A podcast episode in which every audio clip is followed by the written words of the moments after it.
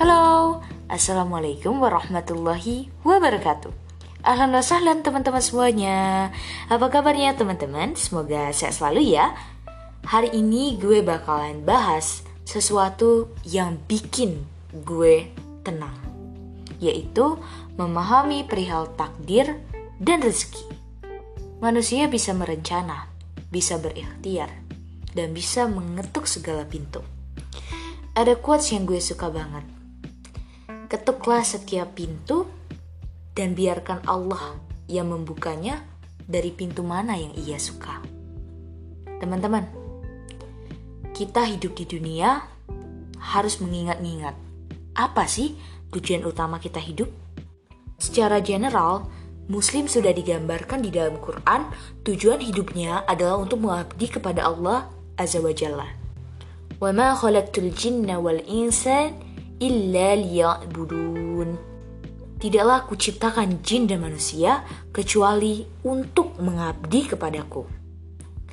Tapi kalau manusia tidak mematuhi Allah, nggak sholat, nggak puasa, nggak zakat, nggak berhaji, itu nggak akan mengurangi kekuasaan Allah, even kayak sebutir air dari lautan. Hmm, jadi yang perlu itu Allah atau kita? Ya tentu saja kita teman-teman. Karena mau kita taat atau enggak, mau kita patuh atau enggak, Allah gak berkurang kekuasaannya. Allah itu esensinya tetap Tuhan. Begitu. Jadi, buat teman-teman yang sekarang merasa angkuh dengan keberhasilannya atau yang merasa rendah dengan kegagalannya, yuk diingat-ingat lagi. Tujuan kita tuh apa? Gue setuju banget dengan statement Ustadz Syafiq Riza Basalama Hafizahullah bahwasanya beliau berkata seperti ini. Ketika prestasi meningkat, uang dan rezeki dilimpahkan dari pintu mana pun, begitu dahsyatnya rezeki mengalir, itu belum tentu tanda cinta Allah kepada seorang hamba. Jadi, indikator Allah mencintai seorang hamba bukan dari senangnya dia, hartanya dia, happynya dia setiap saat. Itu bukan menjadi indikator Allah sayang ke kamu. Tapi yang menjadi indikator sehari-hari kamu, kamu gunakan untuk apa? Itu yang menunjukkan bagaimana Allah mencintai kamu, bagaimana Allah menjaga kamu dari hal-hal yang tidak penting, bagaimana Allah menaikkan derajatmu dengan kamu melakukan hal-hal yang berkualitas. Maka dari itu coba tanya lagi, apakah aku termasuk dicintai Allah atau tidak sih dengan perlakuan aku sehari-hari? Kok aku nggak sholat aku maksiat. Tapi kok rezeki aku lancar-lancar aja hubungan aku baik-baik aja dengan orang lain?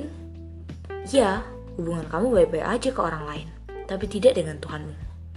Coba kamu tanyakan pentingkah orang lain dibandingkan Tuhanmu? Sehingga engkau lebih mendahulukan komunikasi di antara makhluk dibandingkan komunikasimu dengan Tuhanmu. Yuk kita bareng-bareng introspeksi diri Masalah yang kita hadapi hendaknya menjadi pengingat bahwasanya mendekatlah, menghambalah. Esensi hambamu itu akan selalu melekat pada dirimu. Akan ada suatu masa ketika kita mengatakan ke diri kita sendiri, Huh, capek ya. Kayaknya nggak sanggup lagi deh. Kalau cerita ke orang pun, mereka juga nggak paham kalau curhat pun takutnya being judgmental. Dear, ada Tuhanmu yang setiap saat menunggumu untuk berdoa. Dear, kamu tahu nggak? Allah itu senang banget loh dengan hambanya yang bertaubat. Dikatakan bahwa Allah lebih senang dengan hambanya yang bertaubat dibandingkan seorang pengembala di padang pasir yang gak ada siapa-siapa kecuali dia dengan untanya dan untanya kabur. Ketika dia tertidur, untanya balik lagi. Bayangin betapa senangnya pengembala itu. Nah, Allah lebih senang kepada hambanya yang bertaubat dibandingkan perasaan senang yang dirasakan oleh pengembala. So, terus berikhtiar ya. Yakinkan ke dirimu bahwasanya rezeki itu sudah ditetapkan. Walaupun kamu punya nama itu yang baik, niat yang baik, keinginan yang benar-benar ingin, kemampuan yang memadai. Kalau Allah tidak mencatatkan itu sebagai rezekimu di lahul mahfuz, itu nggak bakal terjadi. Jangan sombong, jangan angkuh, karena Allah lah yang memampukan kamu dalam melakukan apa pun itu. Kita harus memahami bahwasanya kita hamba, kita lemah, akan tiba suatu titik seperti yang gue bilang sebelumnya, kita akan mengatakan, "Ya Allah, aku hamba dan Engkau Tuhan." Kesalahan, kehilafan di masa lalu ataupun yang pernah kita lakukan, jadikan itu bahan muhasabah, pembelajaran. Masalah yang kita hadapi saat ini udah nggak bisa lagi diubah. Dalam artian ini sudah terjadi gitu. Tapi semua itu gak ada yang mustahil jika engkau menghadapkan dirimu ke Allah, meminta, memohon kekuatan. Hidup gak akan pernah lepas dari masalah. Hidup gak akan pernah tuntas dari yang namanya masalah. Kalau kita mau tuntas happy, happy ever after gitu ya, ya kita harus mengejar surga.